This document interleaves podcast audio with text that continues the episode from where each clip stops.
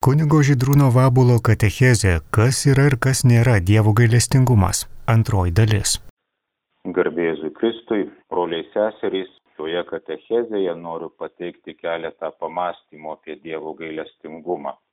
Koks jis yra ir galbūt koks nėra. Tai, kad Dievo gailestingumas yra teisingas, parodo mums ir vieną iš priežasčių, kodėl reikalinga išpažintis ir kodėl per ją reikia atvirai išpažinti savo nuodėmes. Nes tik taip galime iš tiesų Dievo gailestingumą priimti. Jeigu Dievo gailestingumas yra teisingas, tai ir priimti jį reikia tiesoje.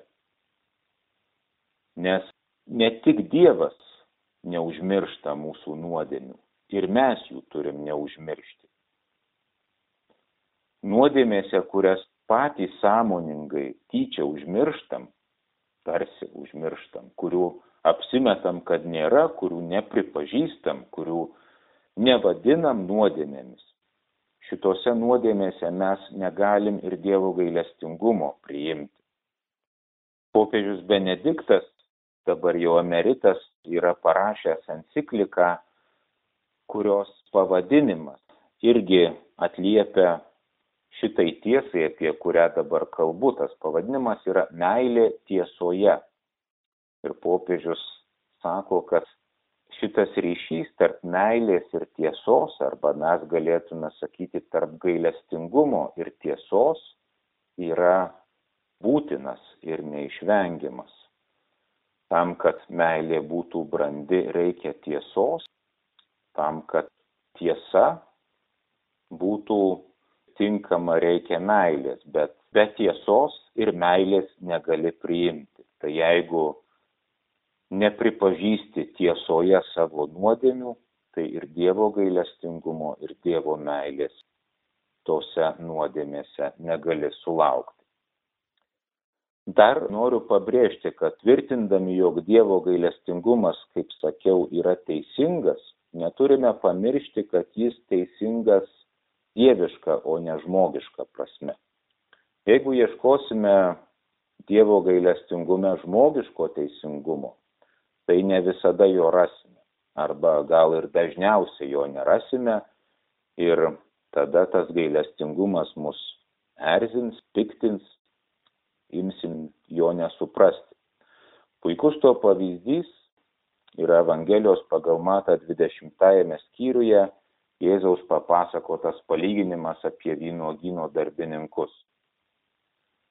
Vieni darbininkai buvo pasamdyti dienos pradžioje, dirbo vynuoginę visą dieną, kaip jie sakė, nešė dienos ir kaitros naštą. Kitigi atėjo tik pavakary, paskutinę valandą te padirbėjo.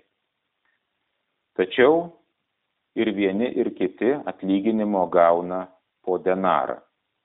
Ir štai tie pirmieji visą dieną dirbusieji pyksta, kodėl šeimininkas ir paskutiniams atlygina tiek pat, arba kodėl tada tiems pirmiesiems neduoda daugiau. Šeimininko atsakymas paprastas. Aš noriu ir šitam paskutiniam duoti tiek, kiek tau. Taip žmogiškai tai tikrai atrodo neteisinga, bet toks jau Dievo sprendimas. Tarp kitko, erzina jis mus gal tik tol, kol įsivaizduojame save tų pirmųjų darbininkų vietoje.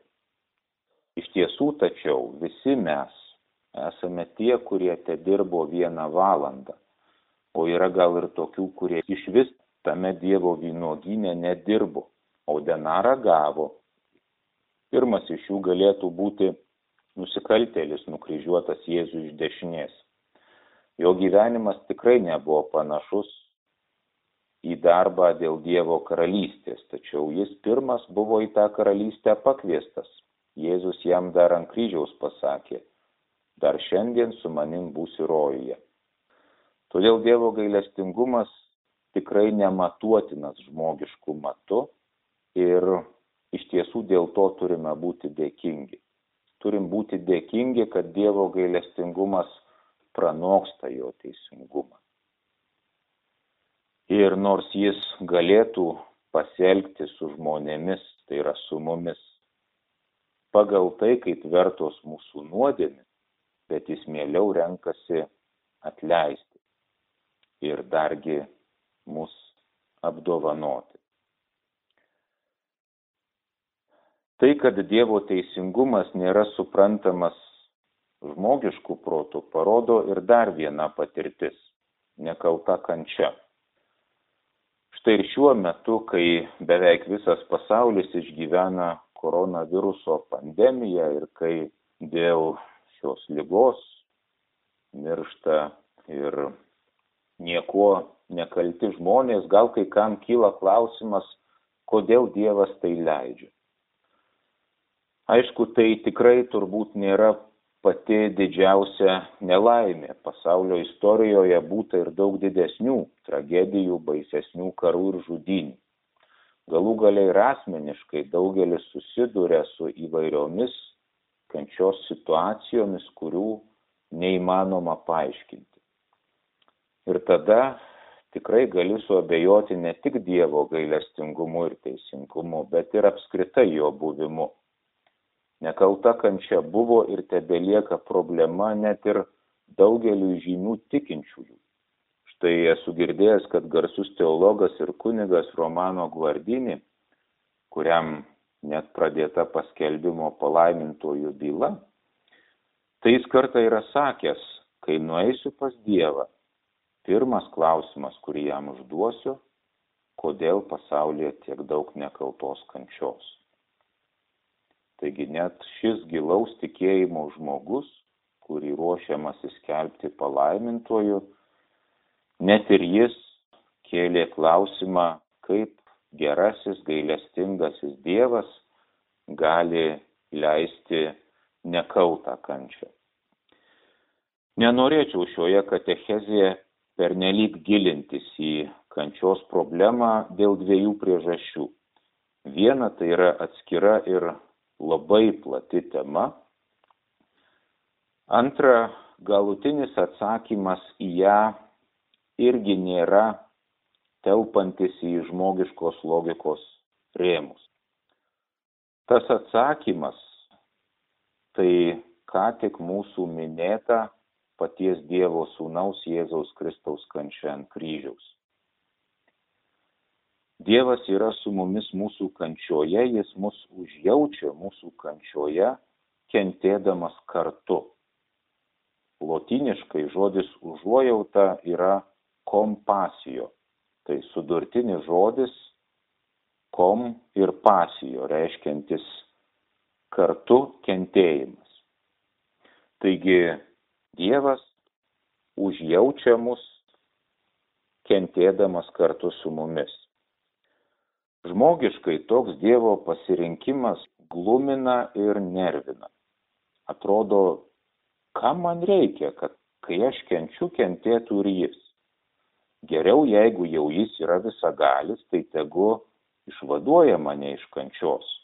O jeigu jis mane joje palieka ir dar pats kančią prisima, tai kas čia per nesąmonė, kas čia per absurdas na atrodo panašiai būtų jeigu nueitum pas gydytoją pavyzdžiui su sulaužyta ranka ir prašytum kad kaip nors tau ar numalšintų skausmą ar tą ranką sutvarkytų o gydytojas ne tik kad tau rankos nepagydytų bet dar ir pats savo susilaužytų.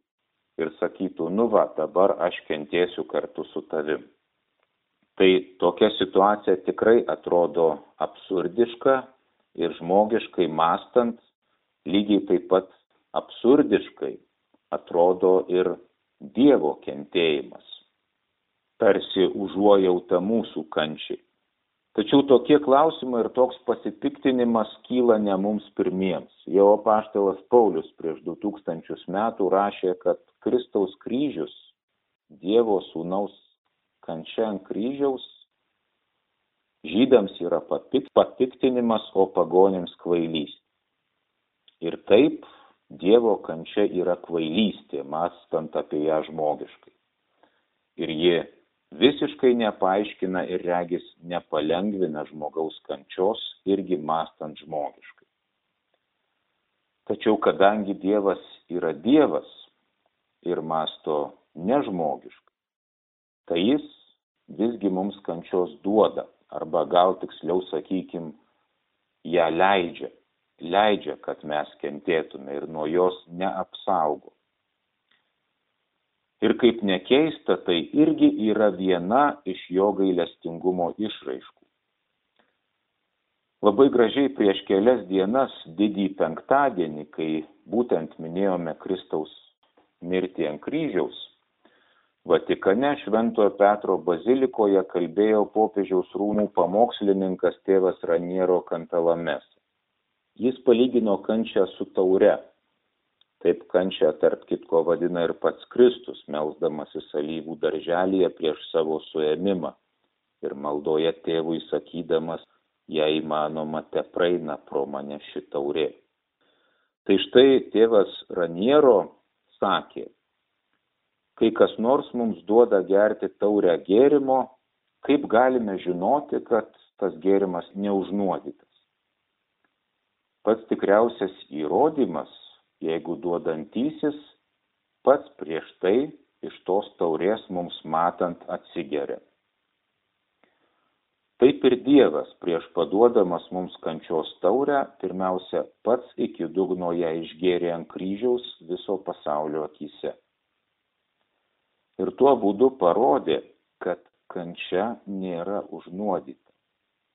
Buvo, bet nebėra, nes nuodus iš meilės ir gailestingumo jau išgėrė jis, Kristus, Dievo sūnus. Jis atpirko mūsų kančią ir dabar jinai yra išganinga. Nebe nuodinga, bet išganinga dabar kančios taurės dugne yra perlas. Ir Dievas mums tą taurę duoda, nes nori mums padovanoti tą perlą. Tai yra gyvenimo apstybė. Kalbėkime toliau apie Dievo gailestingumą. Dar viena Dievo gailestingumo savybė jis yra reiklus. Pavadinkim jį taip, nors šią savybę galima būtų išreikšti ir kitais žodžiais, pavyzdžiui, tikrai mylintis arba norintis gero. Ką turiu galvoje? Kalbu apie tai, kad pasigailėdamas ir atleisdamas, Dievas reikalauja ir pasitaisyti, skatina keltis iš nuodėmių, juose nepasilikti. Šitą Dievo savybę mums primti gal sunkiausia ji mažiausiai patogi, kartais skausminga. Pateiksiu vieną pavyzdį, kuris kalba ir apie šią Dievo gailestingumo savybę, ir apie prieš tai įvardytą, kad Dievo gailestingumas yra teisingas, susijęs su tiesa apie mūsų nuodėmes. Tai štai viešojoje erdvėje ir žiniasklaidoje dabar neretai papriekaištaujama bažnyčiai, kad ji negerbė seksualinių mažumų teisų diskriminuoja žmonės, kurie turi kitokią seksualinę orientaciją. Kartais prisimenant vieną Evangelijose aprašytą nutikimą, kaip Jėzus apgynė moterį, kurią žydai norėjo užmėtyti akmenimis, teigiama, kad štai bažnyčia pati nebūdama be nuodėmės tarsi užmėto akmenimis tuos vargšus žmonės turinčius kitokių lytinių potraukių. Štai vienoje laidoje buvo pateiktas pavyzdys, toks tarsi jau geras pavyzdys, esą kažkur užsienyje yra bažnyčia, bažnyčios pastatas ir ta bažnyčia skirta būtent seksualinių mažumų atstovams. Jis iškabinėta vaivorykštinėmis vėliavomis, Jie ten susirenka melstis ir gali neslėpti savo potraukių ir nesigėdyti dėl savo gyvenimo. Supras, kad jų nediskriminuoti, tai leisti jiems daryti tai, ką jie nori ir pripažinti tai teisėtų ir normaliu, moraliu dalyku. Paklausęs tos laidos, pagalvojau, kad tai gal tada reiktų įrengti atskirą bažnyčią ir pavyzdžiui vyrams, kurie neištikimi savo žmonoms, arba dar vieną vagims, dar vieną kyšininkams ir taip toliau. Iškabinėtume jas atitinkamais šūkiais, pavyzdžiui, korupcijai valio arba kitais panašiais šūkiais. Ir tegu tie žmonės ten renkasi melstis ir nejaučia jokių priekaištų dėl savo elgesio. Turbūt suprantat, kad sakau tai pašaipiai, ironizuodamas ir kad tai būtų tiesiog nesąmonė įrengti tokias bažnyčias. Bet šita mano pašaipa padeda suprasti, kaip mes kartais neteisingai įsivaizduojame Dievo gailestingumą, kurį esą bažnyčia turi rodyti ir kurio homoseksualų atžvilgių jinai stokoja. Mes manome, kad jeigu Dievas gailestingas, tai jis turėtų mums ne tik nuodėmės atleisti, bet ir jas leisti gal net labiau ne atleisti, o tiesiog jas leisti. Leisti jas daryti į valias, neprašyti taisytis iš jų, net nevadinti jų nuodėmėmis, kad nesijaustume blogai ir nebūtume kaltinami. Bet tai yra klaida ir Dievas taip niekada nedarys. Taip jis tikrai nemeta akmens ne į vieną žmogų ir neleidžia to daryti kitiems, kaip kad tada Jeruzalės šventykloje jis neleido žydams užmėtyti akmenimis moters, kuri buvo sugauta svetimaujant. Tačiau tai moteriai jis irgi nepasakė, tu viską gerai darei, eik ir toliau taip elgis. Ištaręs jai, aš tavęs nepasmerksiu, jis visgi jai sako, eik ir daugiau nebenusidėk eik ir daugiau nebenusidėk. Ir šia prasme Dievo gailestingumas yra, kaip sakiau, mylintis ir norintis gero ir todėl reiklus. Jis nenori palikti mūsų nuodėmiai, kuri mums reiškia pražūtį. Jis gal atrodo tuo metu saldi, bet ji reiškia mūsų pražūtį, veda į mirtį. Šia prasme galėtume sakyti, kad Dievo gailestingumas nėra tolerantiškas, vėlgi šio laikinė žodžio reikšmė. Šiais laikais tolerancija dažnai reiškia poziciją, kai man vienodai, ką kitas daro, kol manęs tai neliečia. Net jei kitas ir naikina save kokiu netvarkingu gyvenimu, priklausomybėmis ar kitomis nuodėmėmis, tai esą jo teisė ir aš į tai nesikišu.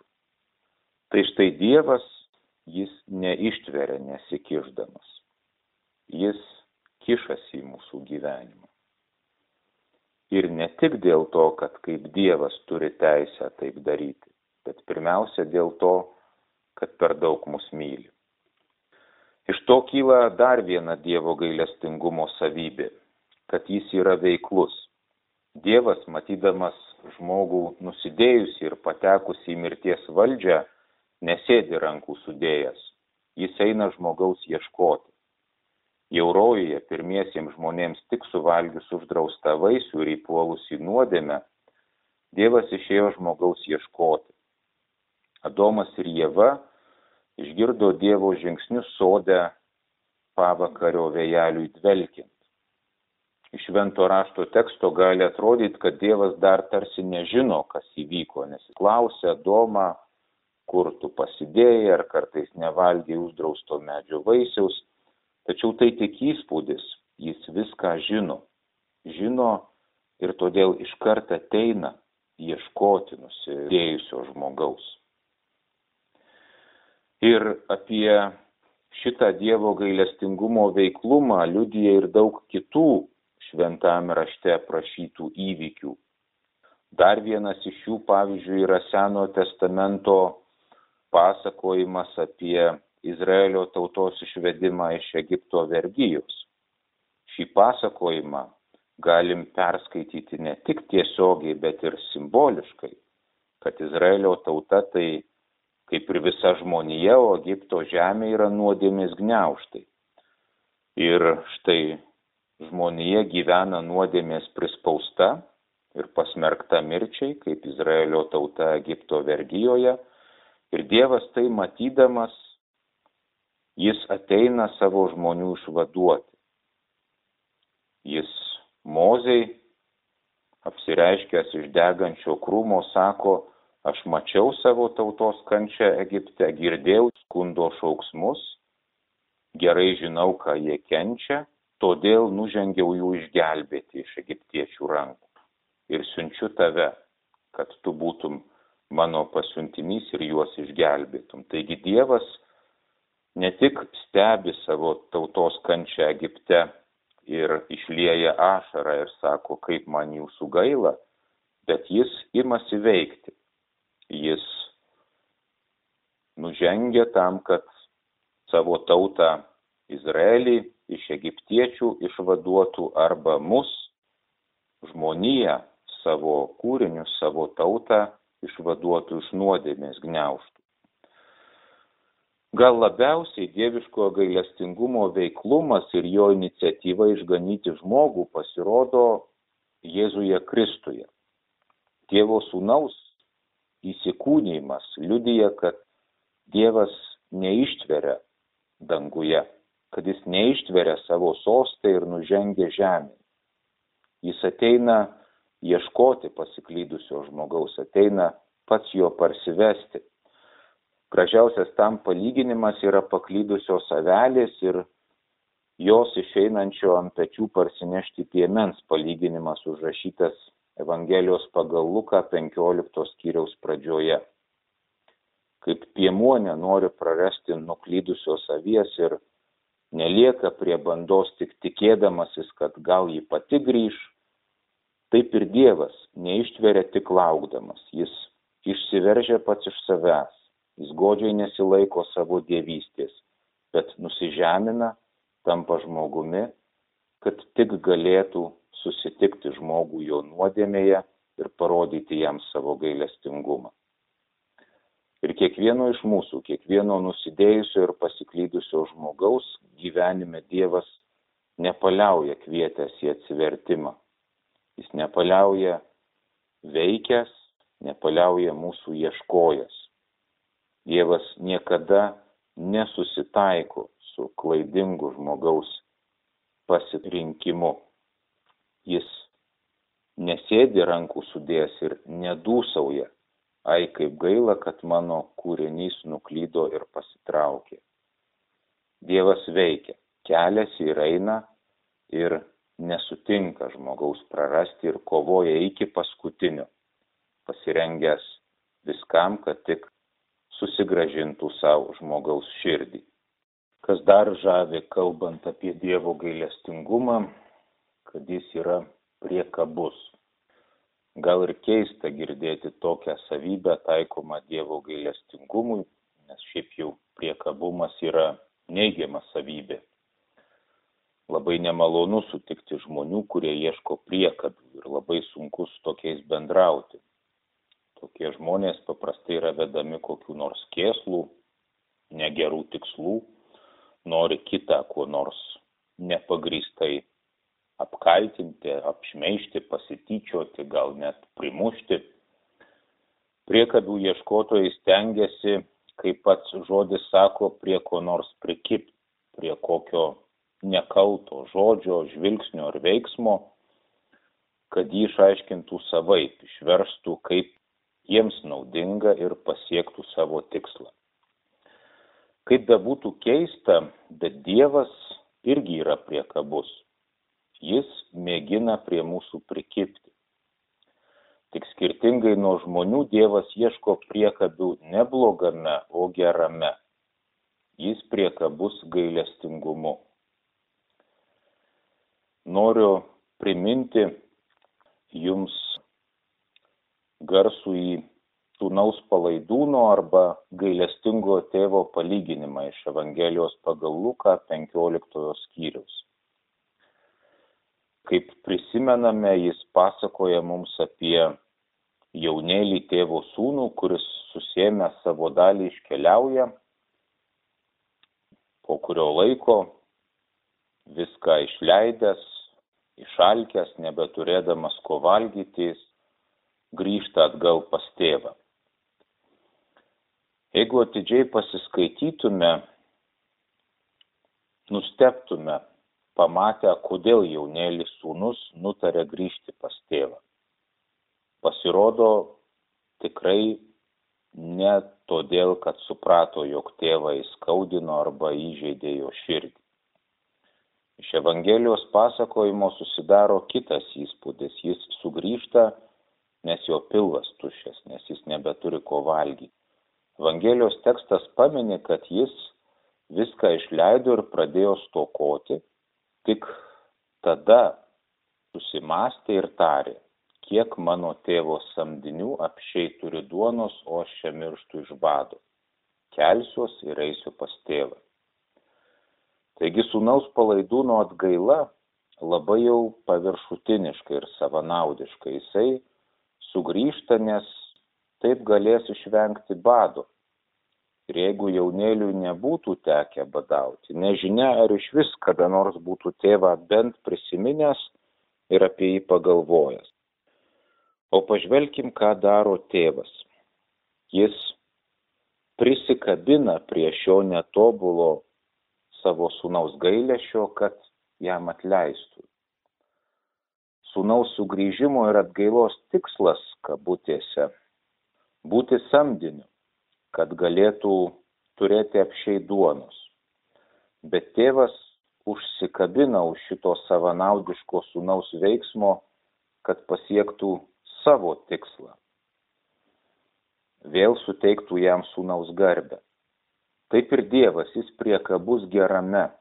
Jis kaip tas tėvas iš Evangelijos atidžiai žiūri, atidžiai tyrinėja horizontą, nerimsta ir ieško mumise mūsų gyvenime, mūsų elgesie veiksmų, prie kurių galėtų prikipti, tam, kad mūsų pasigailėtų.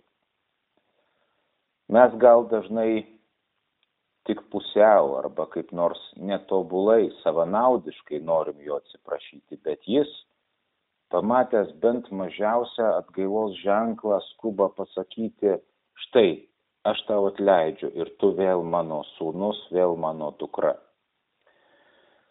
Ši Dievo gailestingumo savybė, jo priekabumas gerame, padeda mums ir šiek tiek suprasti vieną iš pažinties aspektą - gailestį už nuodėmes. Kartais tai žmonėms yra problema. Ir jie sako, o ką iš tiesų reiškia gailėtis, kaip tą padaryti.